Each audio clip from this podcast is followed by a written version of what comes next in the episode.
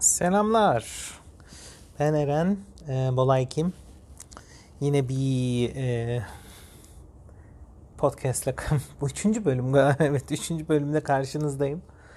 Aslında ilk iki bölümde ikinci bölüm biraz daha hoşuma gitti. En azından enerjim biraz daha iyiydi galiba. Birinci bölümde böyle bir tedirginlik, böyle bir utangaçlık vesaire vardı.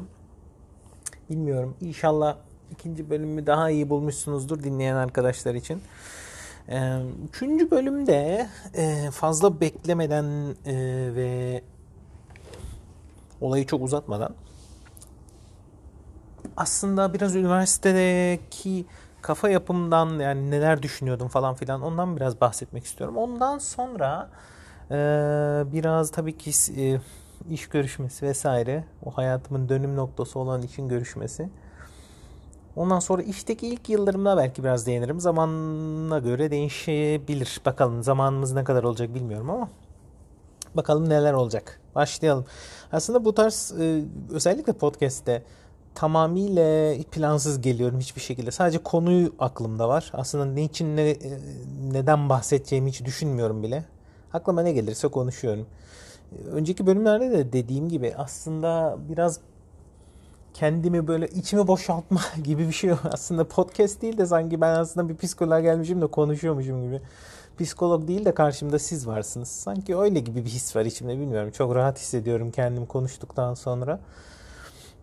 Ah, bugün günlerden e, tem, birinci, Temmuz'un biri. Saat ortalama 5, 5, 5 akşam 5 saatlerinde işten çıkmak üzereyim. İşte biraz zamanım vardı. Arada boş bir zamanım vardı. Bunu bu, bu şekilde değerlendirmek istedim. Neyse başlayalım. Önce üniversite yıllarıma geri dönelim.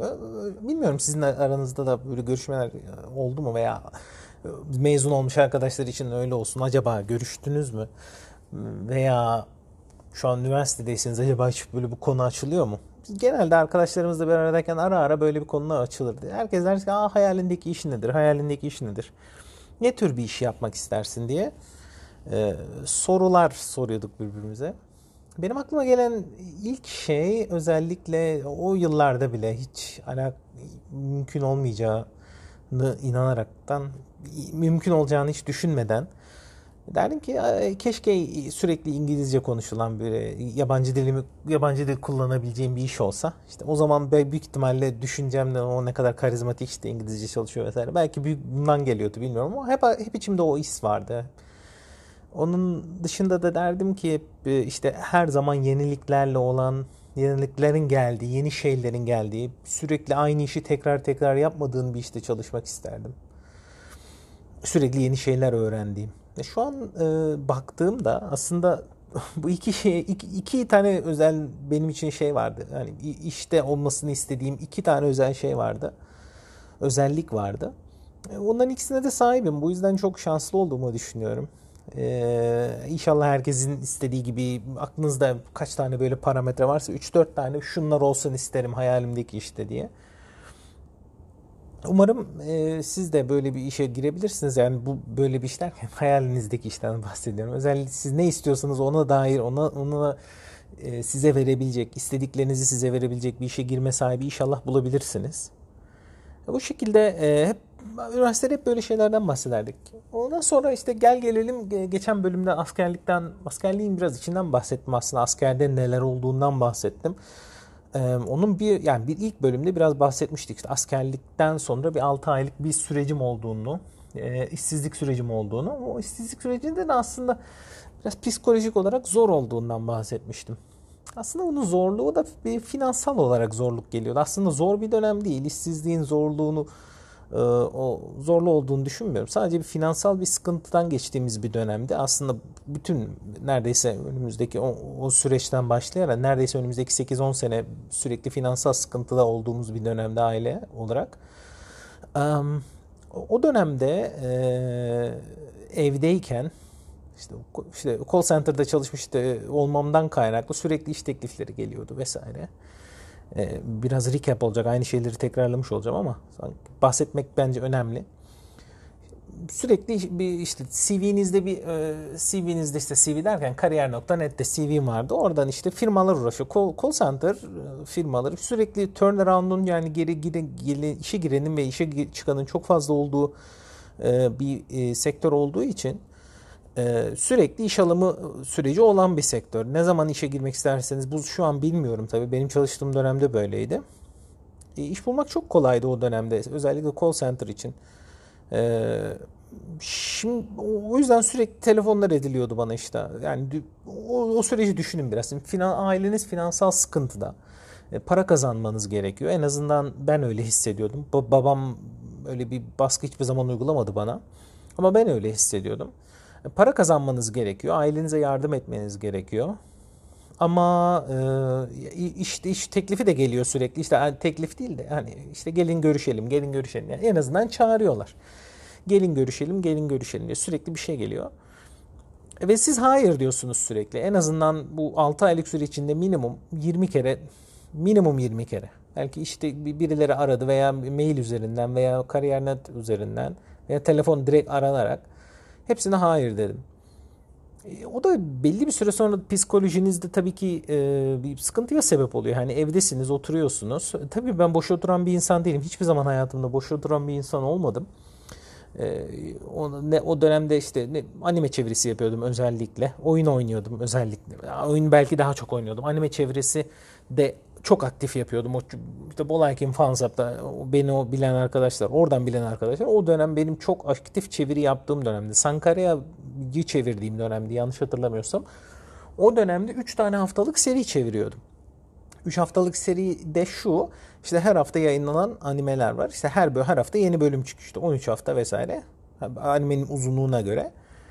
Her hafta bölüm çıkıyor işte haftanın 3 günü neredeyse sırf anime çevirisine ayrılmış oluyor. İşte anime o gün çıkar, işte indirirsiniz, çevirirsiniz, kontrolünü yaparsınız vesaire vesaire her neyse o bir günlük iş neredeyse. Ortalama bir günlük iş derken toplam olarak 4 saatinizi vesaire alan bir iş. Ee, ama e, bu 4 saatte intens bir 4 saat. Yani gerçekten fokus olarak 4 saat çalışmanız gereken bir iş. Neyse bu kendimi e, meşgul ediyordum o dönemlerde bu, bu tarz şeyler yaparak kendimi meşgul ediyordum. Yani çok hissetmiyordum işsiz olduğumu ama yani ne kadar fokus olursunuz, animeye ne kadar kendinizi gömerseniz gömün, e, ne kadar oyun oynarsanız oynayın. Fark ediyorsunuz ya aklınızda işte oyun bittiği zaman diyorsunuz aa ulan işte gerçek dünyaya geri geldim der gibi işte o oyun bir kaçış oluyor. Anime bir kaçış oluyor size. Yani anlık bir kaçış oluyor. Ama ee, yine orada hep aklınızda hep sizi rahatsız ediyor. Şu anda da bu, bu, bu süreçten geçen arkadaşlar vardır eminim. İşsizliğin yüksek olduğu bir dönemde veya iş, istediğiniz gibi bir şey bulamıyor da olabilirsiniz. İşsiz hani olmak o aslında.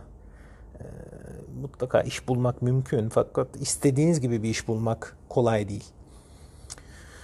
Aa, belki ona da değiniriz bir bölümde bilmiyorum. Belki biraz aç gözlü oluyor bazı insanlar. Çok fazla hani iş şöyle olsun böyle olsun diye biraz fazla seçicilik yapmak da güzel değil. O konulardan da belki ileride konuşabiliriz. Ee, ama şu, şu an bence fokus almamız gereken alan farklı.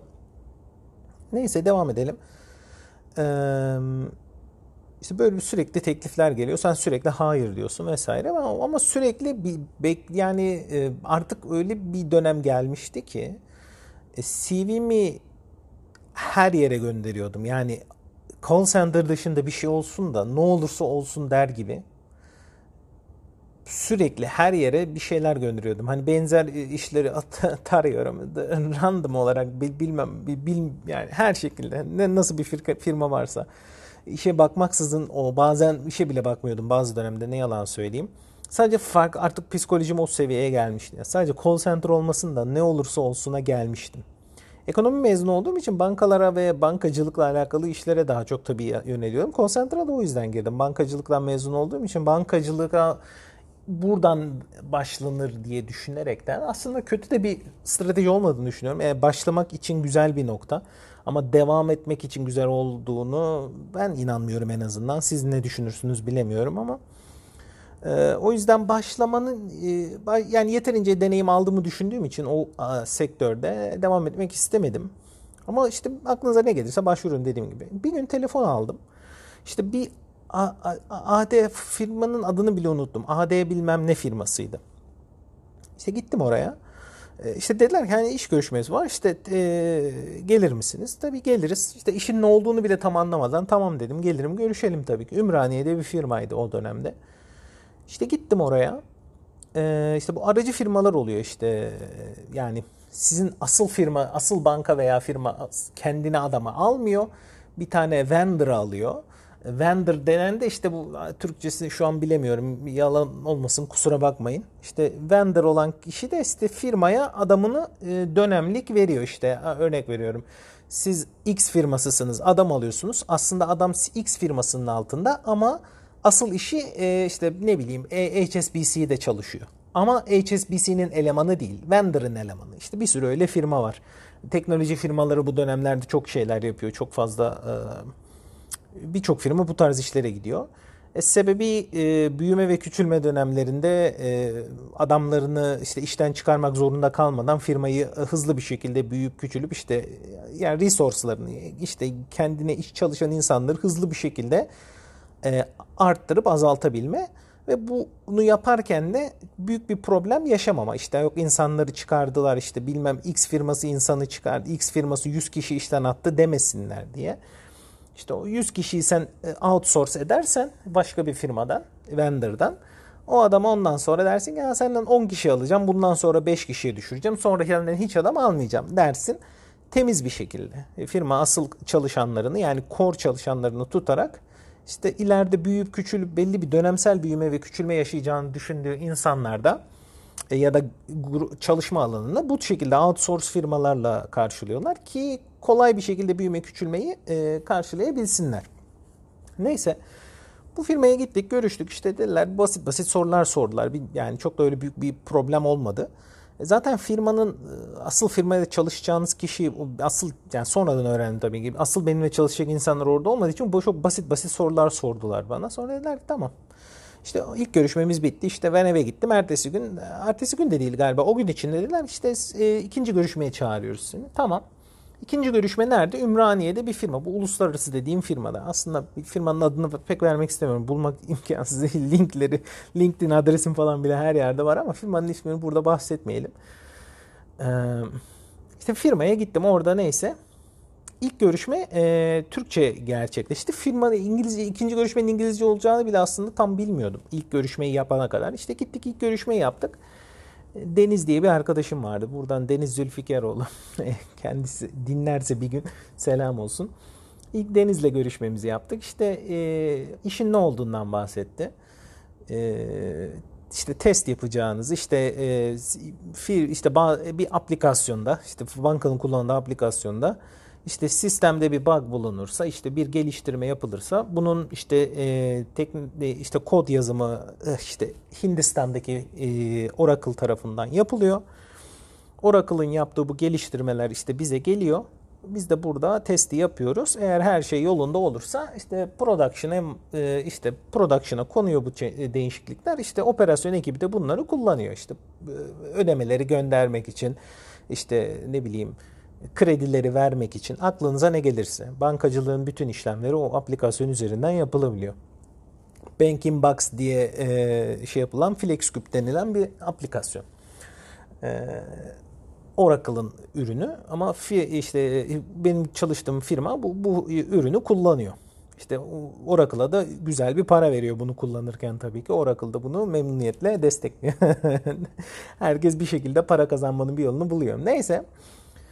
İlk görüşmeyi yaptık. Bunda büyük bir sıkıntı yoktu. İlk görüşme işte normal test e, alanında işte e, ne sorduklarını bile hatırlamıyorum. Çok büyük bir şey değildi. Zaten o da entry level bir pozisyon olduğu için hani çok deneyime de bakmıyorlar. Ne soracaklarında ne soracaklar ki senin kişisel olarak olaylara nasıl yaklaştığın önemli. Senin e, işte öğrenmeyi seviyor musun?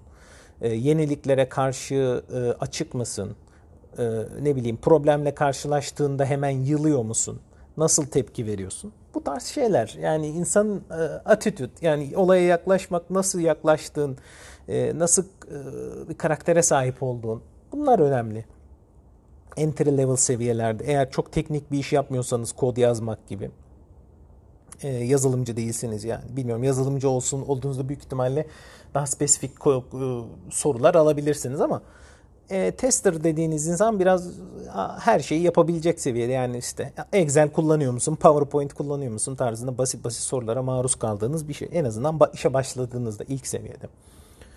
İşte ilk iş görüşmesi bitti. Ondan sonra eve gittim. İkinci iş görüşmesi geldi. İkinci iş görüşmesinin e, yani üçüncü pardon bu. Üçüncü iş görüşmesinin artık asıl benim yöneticimle oldu olacağını ve bunun İngilizce olacağını söylediler. Çok korktuğumu hatırlıyorum onu duyduğumda. Diyorum Allah'ım hayatım boyunca ben İngilizce konuşmamışım adam gibi insan. Çünkü gerçekten İngilizce işte konuştuğun ne? İngilizce ben süper lisede okuduğumu söylemiştim. İşte süper liseden sonra üniversitede İngilizce eğitimi görmedim sonuçta. İşte ne kadar kendi kendime dinlersem, işte nerede dinliyorsam işte müziktir, şudur budur, işte filmler vesaire. İşte animeler, o, o anime izliyordum o dönemlerde. E, animeyi işte İngilizce altyazıyla vesaire dinliyorsunuz. Aa, İngilizceyi biliyorum, konuşamıyorum ama yazıyorum. Nasıl anlıyorum birileri konuştuğunda. Ortalama seviyede tabii. Ona da geleceğim neden büyük bir problem olduğunu. Ee, neyse işte iş, iş görüşmesi böyle panik oldum vesaire. Artık açıyorum kitapları okuyorum bilmem nelere bakıyorum sanki faydası olacakmış gibi işte panik durumdasın. İşte nasıl da olur da daha iyi İngilizce konuşabilirim diye bir panik modunda insan işte bir şeyler yapmaya çalışıyor. Çünkü işi istiyorum gerçekten. E, hayalimdeki işe yani en azından şu an için hayalimdeki iş gibi gözüküyor. Bil, detaylarını bilmediğim halde bile. İngilizce konuşulan kaç tane iş var Türkiye'de bilmiyorum. En azından benim için o an sanki tek o iş vardı. O işi almazsam başka iş yokmuş gibi gözüm, gözümde geliyordu. En azından İngilizce konuşup öğrenebileceğim. Tabii ki yanlış. Kesinlikle öyle bir şey yok. Bir sürü iş var. İngilizce konuşup öğrenebileceğiniz. Ama o dönemde ben e, bilmediğimden dolayı o şekilde hissediyordum ben. Neyse e, iş görüşmesine gittik. İşte iş görüşmesini e, yöneticimin adını e, adı yok geçti öyle söyleyeyim. Adını vere, adını verebilirim. Adı yok geçti. E, Hindistanlıydı. E, Hindistanlıydı. Oturduk konuştuk işte. Beni işte çok güler yüzlü bir insan oturup konuşurken işte dedi işte işte hello how are you vesaire başladık konuşmaya. Basit şeyleri biliyorum tabii ama konuşurken şöyle konuşuyorum tabii. My uh, name is uh, Eren. Uh, I graduated from from Dumlupınar University. Like bu bu pace'de bir konuşma. Hani böyle dur, dur, konuşuyorsun işte böyle benim işte aa, neydi o adım? İşte o ondan sonra ne diyecektim? İşte Eren ondan sonra aa, dur, neydi? Üniversite mi üniversite mi ney mi? Üniversite miydi? Neydi da üniversite falan filan. Bu tarz kafalı yani ne bekleyebilirsiniz ki? Ee, en azından konuştum. Neyse Yaklaşık yarım saat 30 yarım saat 45 dakika kadar bir görüşme oldu. Aslında beklediğimden iyi de konuştum. Yani derdimi anlattım diyebilirim. Böyle e, u, a, u vesaire diye diye. E, İngilizce konuşma mı? Konuşma evet. İngilizce konuşma diyebilirsiniz.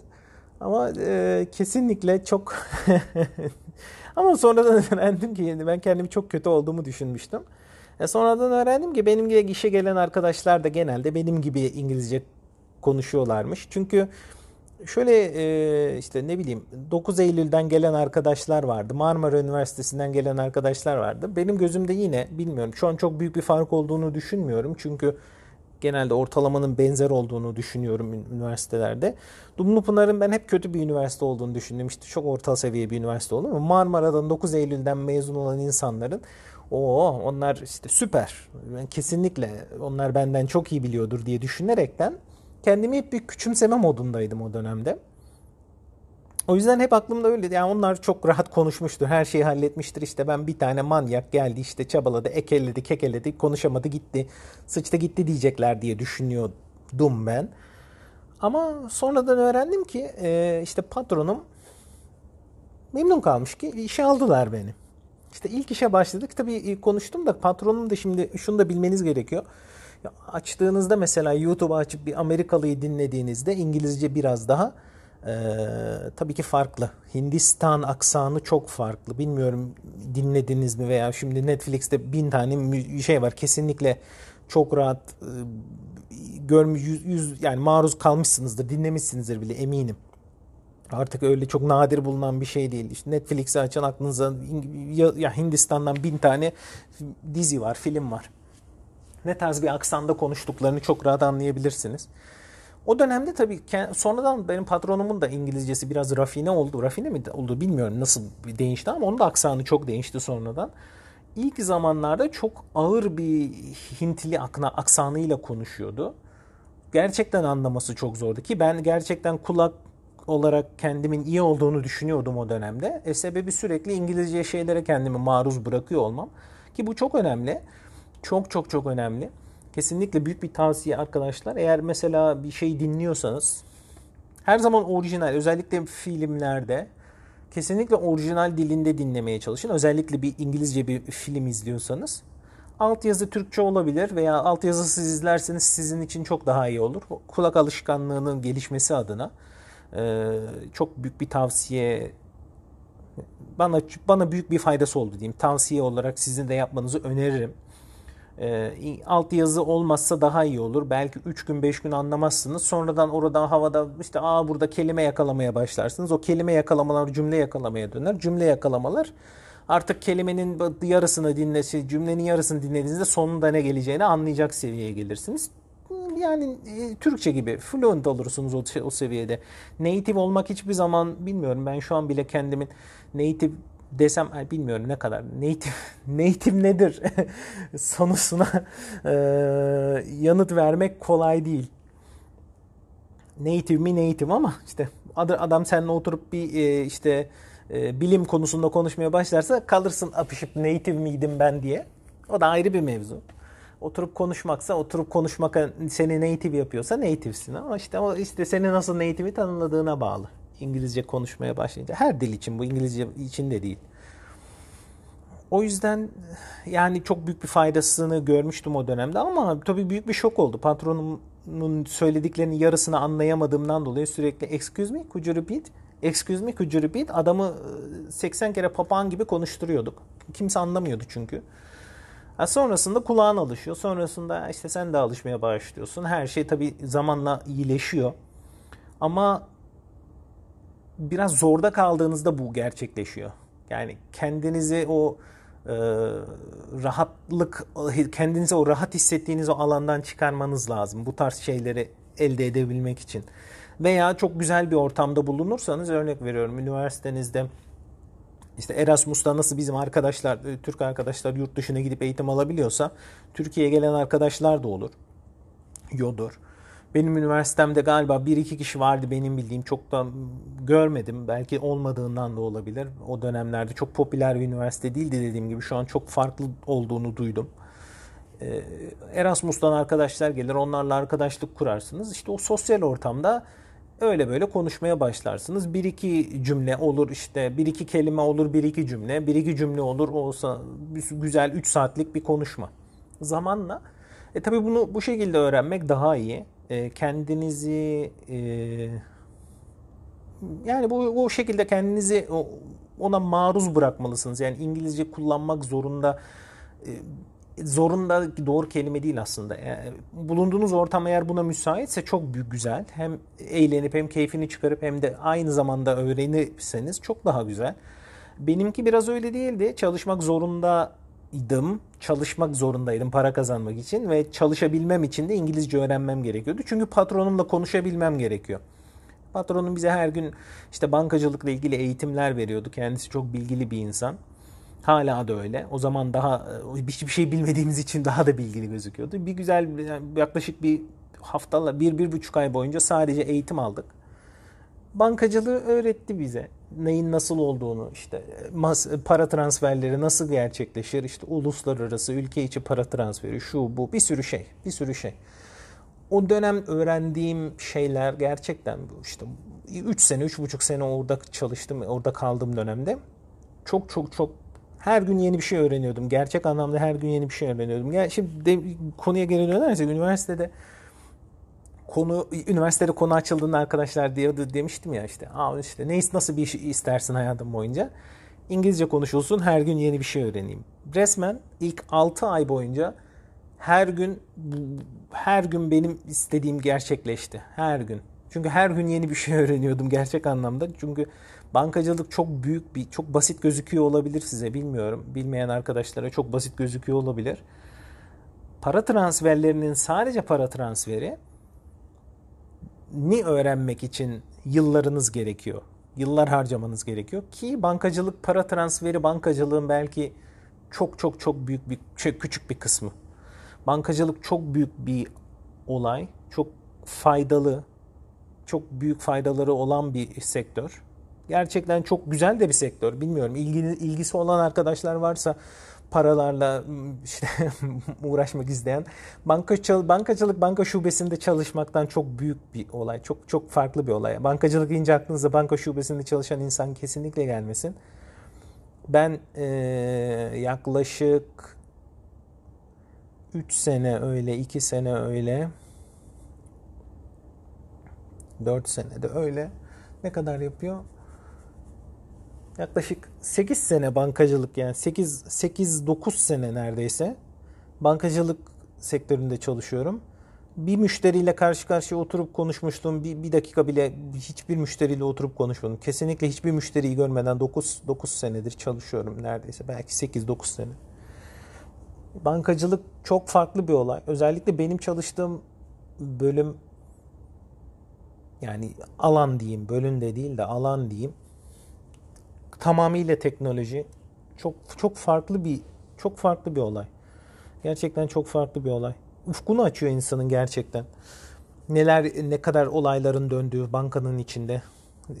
Bunu öğrenmek insan ne kadar aslında büyük bir sektörün parçası, ne kadar büyük bir kompleks bir şeyin parçası olduğunuzu anlıyorsunuz. Neyse neredeydik? İşte bu dönemden e, ha aslında şeye dönmek istiyorum. İngilizcenin önem İngilizcenin önemine biraz değinmek istedim. Ona özel bir sadece ona güzel bir gün boyunca ona özel bir bölüm yapmak istiyorum gerçek anlamda. Neden bu kadar önemli olduğuna ki bence çok önemli. Ee, ve bunu nasıl yapabileceğiniz, nasıl bir şekilde bunu kendinize öğretebileceğinizi, o güzel alışkanlıkları kazanabileceğinizi e, konuşmak istiyorum. Kesinlikle faydası olacağını düşünüyorum. Neyse. E, işte bu dönemden geçtikten sonra işte neyse e, bu firmada 3-3,5 sene kadar çalıştım. Önce test e, tester olarak başladım. Sonra takım lideri, e, test ekibinin takım lideri oldum. Western Europe, Batı Avrupa'daki test işlemlerini yapan ekibinin test takım lideri oldum. Onundan sonra da 3,5 senenin ardından ayrıldım. Ee, neden ayrıldım? Sebep biraz daha çok paraydı ve e, benim çalıştığım ekipte gelecek e, yani sanki ulaşabileceğim en iyi noktaya tester olarak ulaştığımı hissettim. Para olarak da daha iyi olanaklar sağlayan e, opsiyonlar karşıma çıktı o dönem için. E, ve banka içinde de tabii ki kalsam yine önümde yeni opsiyonlar açılabilirdi ama opsiyonların gelmesi sanki bu biraz uzun zaman alabilir gibi hissettim. Ve o kadar zaman harcamaya bana mantıklı gelmedi. En azından o dönem için. Ondan kaynaklı e, başka bir firmaya geçmek geçme kararı verdim. Ee, işte bu üç buçuk sene gerçekten yani demiştim ya bir transformasyon yani beni bir call center'dan beni bir call center agent'ından aldı bu firma ve iş analistine çevirdi. En sonunda tester takım lideri e, olarak çalıştığımda yeni işime de iş analisti olarak başladım. İş analisti nedir? İş analisti nedir? Belki onu çok basit anlamda e, bu sistemi kullanan insanların neye ihtiyacı olduğunu anlayan ve bunu o kodu yazıp sistemi değiştirecek insanlara anlatabilme işidir. İş analisti işi anlayan kişidir teknolojiyi de anlar, işi de anlar. İkisinin ortak konuştuğu diller farklı olduğu için siz arada bir köprü gibi olursunuz. Anladığınız işin işin nasıl olacağını, nasıl olması gerektiğini teknolojiye anlatan, onların anlayabileceği ve işlerin yap, iş, iş sahibinin istediği şekilde nasıl teknolojideki kişinin bunu yapması gerektiğini onlara anlatan, dokümente eden kişi. Ee, aslında da buna benzer bir iş yapıyordum. Şeydeki o dönemde aslında yaptığım işlere gelirsek belki ileride hani ne tür işler yaptığımdan bahsetmek e, ilginiz duyarsa e, o dönemde e, neler neler yaptığımız bu işte bu üç buçuk senelik dönemde nasıl bir o transformasyonun gerçekleştiğini hani testerlıktan ne, nasıl bir testerda iler iş analistine dönüştü tüm bundan biraz bahsedebiliriz. Biz bir sürü Avrupa'da gerçekleşen o dönemdeki kriz olaylarından vesaire işte e, Yunanistan'da bir kriz oldu bilmiyorum. O da ne kadar ilginizi çekiyordu bilmiyorum o dönemde. Belli kısıtlamalar getirildi sistemlere. Bunlara sistemde bu bunları e, SQL üzerinde yazılması SQL bir e, ne, ne kadar ne kadar doğru olur ki yazılımcı da değilim ki ne kadar ya, ne kadar doğru olacağını olur bilmiyorum da SQL bir belli bir programlama dili. SQL üzerinde belli e, kurallar kurallar yazarak e, o işte e, Avrupa e, Merkez Bankası'nın getirdiği kısıtlamaları sisteme implemente eden kişiydim. Tabii ki tek başıma yapmadım bunu. Ekibimizle birlikte yaptık ama kuralları yazan o kuralları yazan kişi bendim. Çok büyük aslında baktığınızda e, bir sorumluluktu yani. E, sonuçta e, yazdığınız kod gerçek anlamda Yunanistan'a o dönem Yunanistan'da kriz olduğu için o kısıtlamaların doğru olması gerekiyor. Belli bir paranın üstündeki e, transferlerin mesela durdurulması gerekiyor, kontrol edilmesi gerekiyor. İşte o sistematik olarak onu durduracak kodu yazan kişi bendim. Çok büyük olarak size gerçekten bir özgüven veriyor bu tarz şeyler yapmanız. Baktığınızda koskoca bankanın bir ülkede para akışını sizin yazdığınız şeyin durduruyor veya ilerletiyor olması veya o yazdığınız şeye göre bankanın işte o ülkedeki Merkez Bankası'nın veya yani Avrupa Merkez Bankası'nın kurallarına uygun çalışabiliyor olması size çok büyük bir güven getiriyor gerçekten. Hani her şeyin üstesinden gelirim ben diyorsunuz belli şeyleri yaptıktan sonra o özgüven geldikçe ya bu bir aslında snowball efekti. Yani kar topunun büyümesi gibi ufak şeylerle başlıyorsunuz. Ufak şeyler ele e, ufak şeyleri gerçekleştiriyorsunuz. Ufak kazanımlarınız oluyor. Yani ufak small wins. Like gerçek anlamda küçük iş yapıyorsunuz ama onu başarıyla yapıyorsunuz. Sonra daha büyük bir iş alıyorsunuz. Onu da başarıyla yapıyorsunuz. O ikisinin toplamından aldığınız özgüvenle diyorsunuz ki ben ben bunları yaptıysam bunu da yaparım diyorsunuz. Daha büyük bir iş alıyorsunuz. Bu büyüye büyüye ilerliyor. Eğer arkanızda da gerçekten sizi destekleyen, güvenen ve zeki yöneticiler varsa ve sizde size bu e, yatırımı yapmayı e, yap, yapmaya karar verirlerse ve yaparlarsa ve siz de bunun altından kalkabilirseniz çok güzel bir şekilde o kar topunun büyümesi gibi çok büyüyen, çok hızlı bir şekilde büyüyen bir e, bilgi dağarcığına sahip oluyorsunuz ve özgüvene sahip oluyorsunuz. O üç buçuk sene gerçekten bir transformasyon süreciydi benim için. Bir sürü işin üstesinden geldim. O tabii ki hiçbiri hiçbiri kolay değil. Bazen geceleri onuna kadar iş yerinde kaldığınız oluyor. Bazen hafta sonları geldiğiniz oluyor. Ama bunları e, şikayet etmeden, işin sadece yapmak için, öğrenmek için eğer oradaysanız gerçekten bunları insanlar görüyor. İleride bunların hepsine biraz daha örneklerle e, daha detaylı bahsetmek istiyorum. Çünkü o e, nasıl işe nasıl yaklaştığınız, çalışma etiğinizin nasıl olduğu vesaire bunlar çok önemli şeyler. Sadece bir işi doğru yapmanız size başarıyı veya terfiyi getirmiyor. İş hayatı çok farklı bir olay. Gerçek anlamda bir e, komando gibi davranıyor olmanız gerekiyor bazen.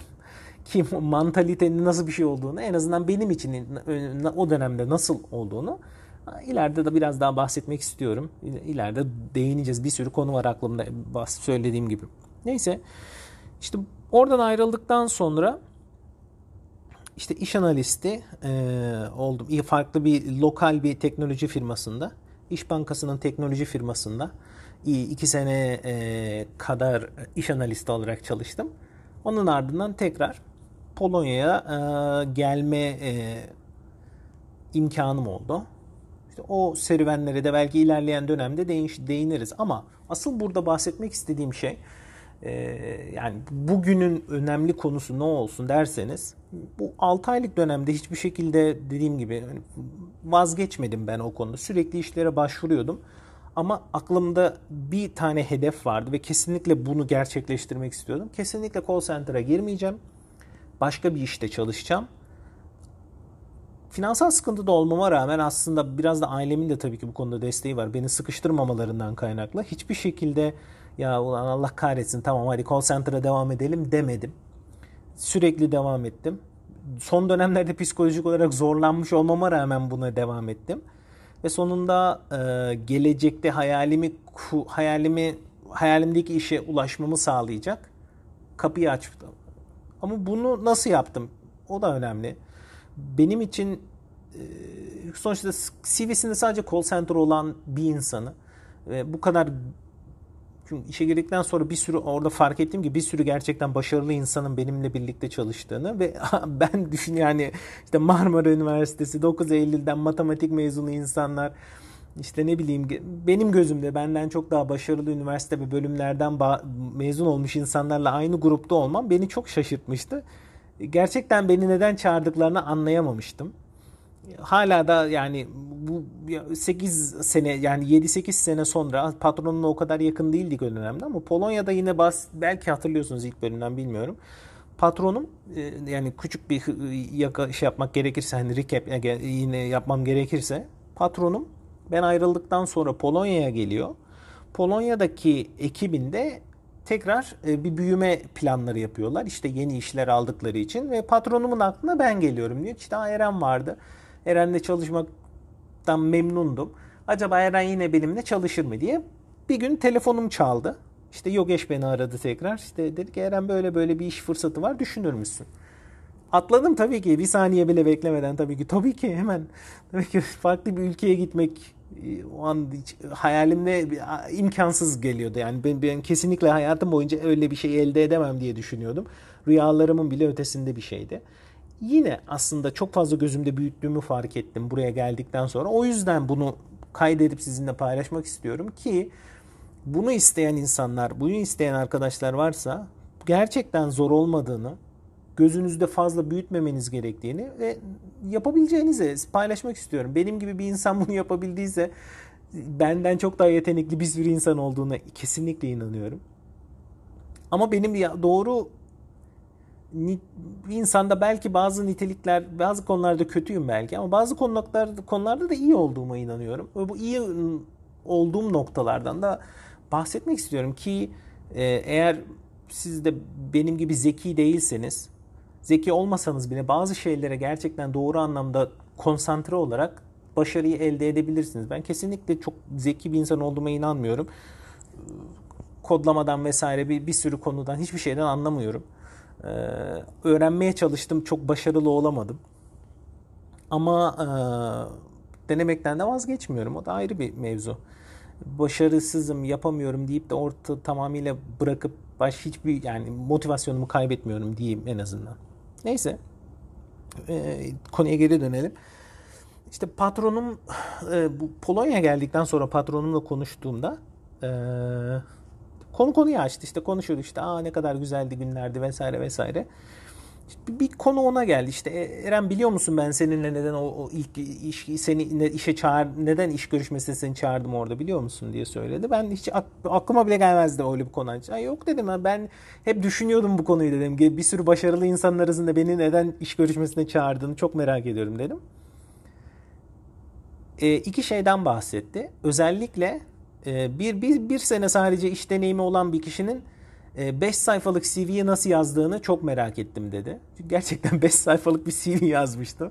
Aklınıza aklınıza ne gelirse yazdım yani işte askerde şunu yaptım, askerde bunu yaptım. işte paragraflarca yazı yazdım işte çeviri yapıyorum. Çevirimin bana şu faydasını sağladığını düşünüyorum. İşte Japonca öğrendim çeviri yaparken. işte ilk call center'da şunları yaptım, bunları yaptım. Paragraflarca yazı. İşte basket oynuyorum, hobim şudur. İşte basketi şundan dolayı seviyorum. Bir paragraf. Paragraflarca yazı üstüne yazı işte bir önceki şeyde şunları yaptım işte, işte satış yaparken bu özellikleri edindim işte telefon call center'dan bahsediyorum.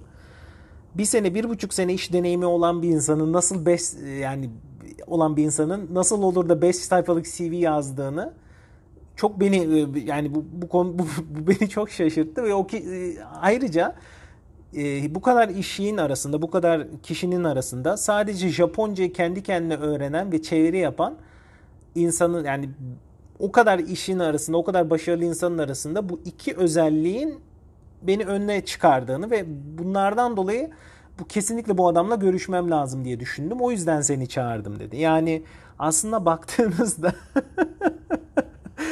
benim oraya gitmemin tek anlam, tek sebebi benim o işi belki alabilmemi hayalimdeki işi e, kapıyı açacak. O işte aslında hayalimdeki işti. Şu anki iş asıl hayalimdeki iş şu an benim yaptığım iş ama buradaki işi şuradan buraya gelebilmemin tek sebebi o an o işe girebilmiş olmam. Baktığınızda e, bunu tek elde edebilmemin sebebi aslında kendimi küçük görmemiş olmam. Her ne kadar hiçbir deneyimin olmamasına rağmen 5 sayfa kendimi bir şekilde satmaya çalışmam.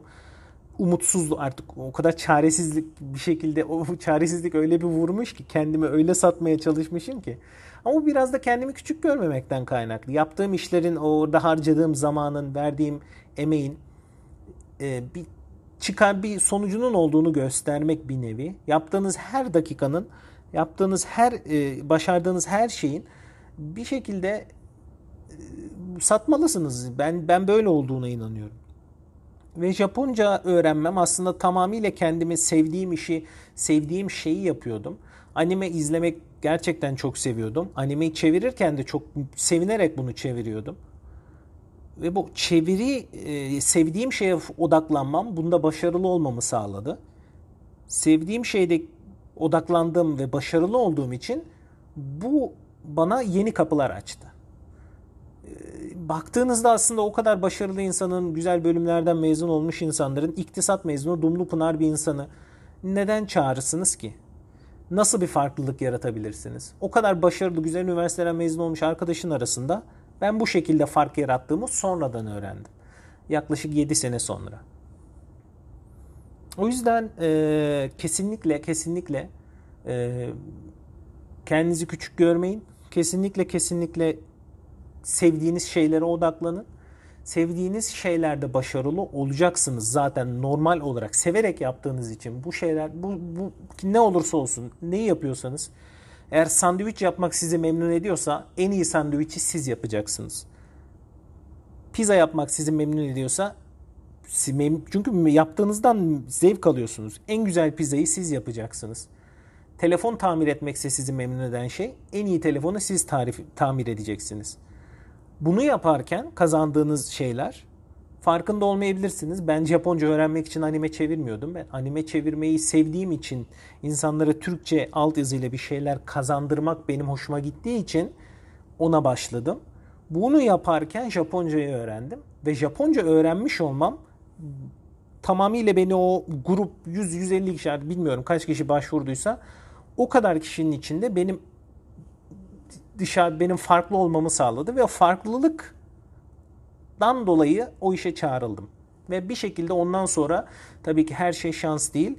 O işe çağrıldıktan sonra da gece gündüz çalışıp adımı e, beni adımın orada bir, bir değerinin olmasını istememden kaynaklı. Eren dendiğinde evet başarılı bir çocuktu. Elinden geleni yaptı.